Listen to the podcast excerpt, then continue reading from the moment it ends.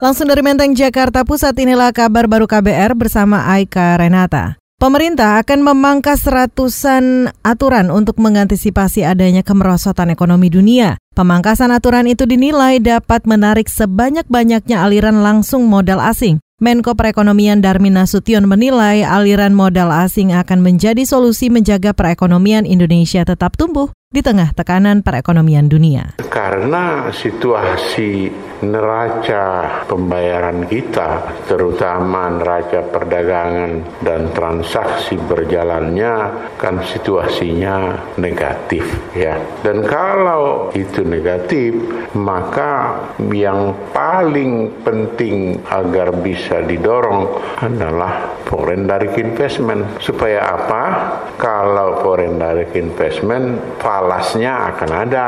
Menko Perekonomian Darmin Nasution menyatakan aliran modal asing juga akan mengurangi ketergantungan negara pada modal jangka pendek. Selain untuk investor asing, Darmin mengklaim pemangkasan ratusan perizinan tersebut sekaligus menguntungkan investor lokal. Adapun aturan yang menghambat perizinan usaha berupa undang-undang akan segera dikomunikasikan dengan DPR agar bisa segera direvisi.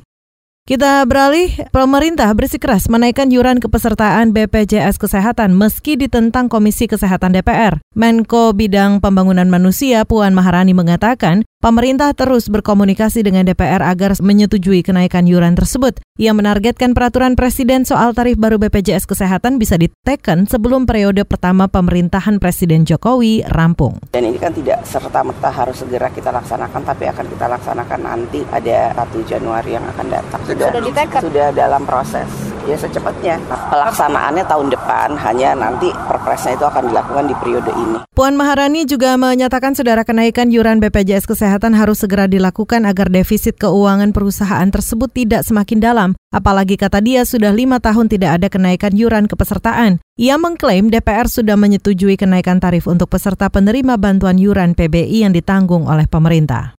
Kita beralih, Koalisi Masyarakat Sipil untuk Demokrasi akan memberi bantuan hukum kepada aktivis HAM Veronica Koman yang ditetapkan sebagai tersangka Polda Jawa Timur. Anggota Koalisi Suar Budaya Rahardian menyatakan Veronica akan menerima bantuan hukum dari Amnesty International untuk menghadapi delik yang disangkakan yaitu pasal penghasutan dan Undang-Undang ITE. Tentu ini bermasalah sekali ya kalau menurut kami ada hal-hal yang tidak sesuai dengan delik yang dikesangkakan makar dan sebagainya itu ya. Jadi jelas ini mengada-ada lah dan bentuk kepanikan lah penguasa terhadap kritikan terhadap isu Papua. Jadi menurut saya ya ini tentu harus dipertanyakan kembali apa landasannya gitu ya. Anggota koalisi Suar Budaya Rahardian akan merumuskan langkah hukum untuk Veronica yang saat ini masih berada di luar negeri. Ia meyakini Veronica hanya membagikan informasi benar soal isu Papua. Saudara Veronica Koman sebelumnya ditetapkan sebagai tersangka kasus penyebaran berita bohong pengepungan asrama mahasiswa Papua di Surabaya, Jawa Timur.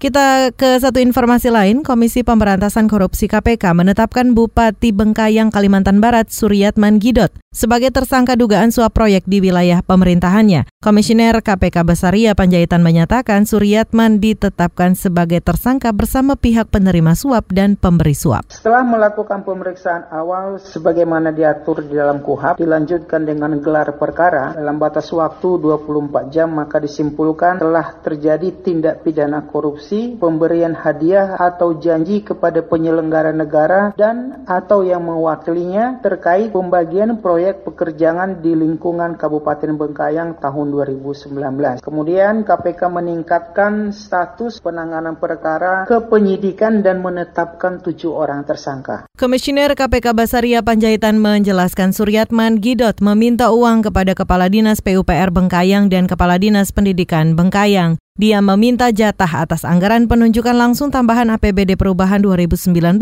kepada Dinas PUPR sebesar 7,5 miliar rupiah dan Dinas Pendidikan sebesar 6 miliar rupiah. Demikian kabar baru dari kantor Berita Radio KBR, saya Aika Renata.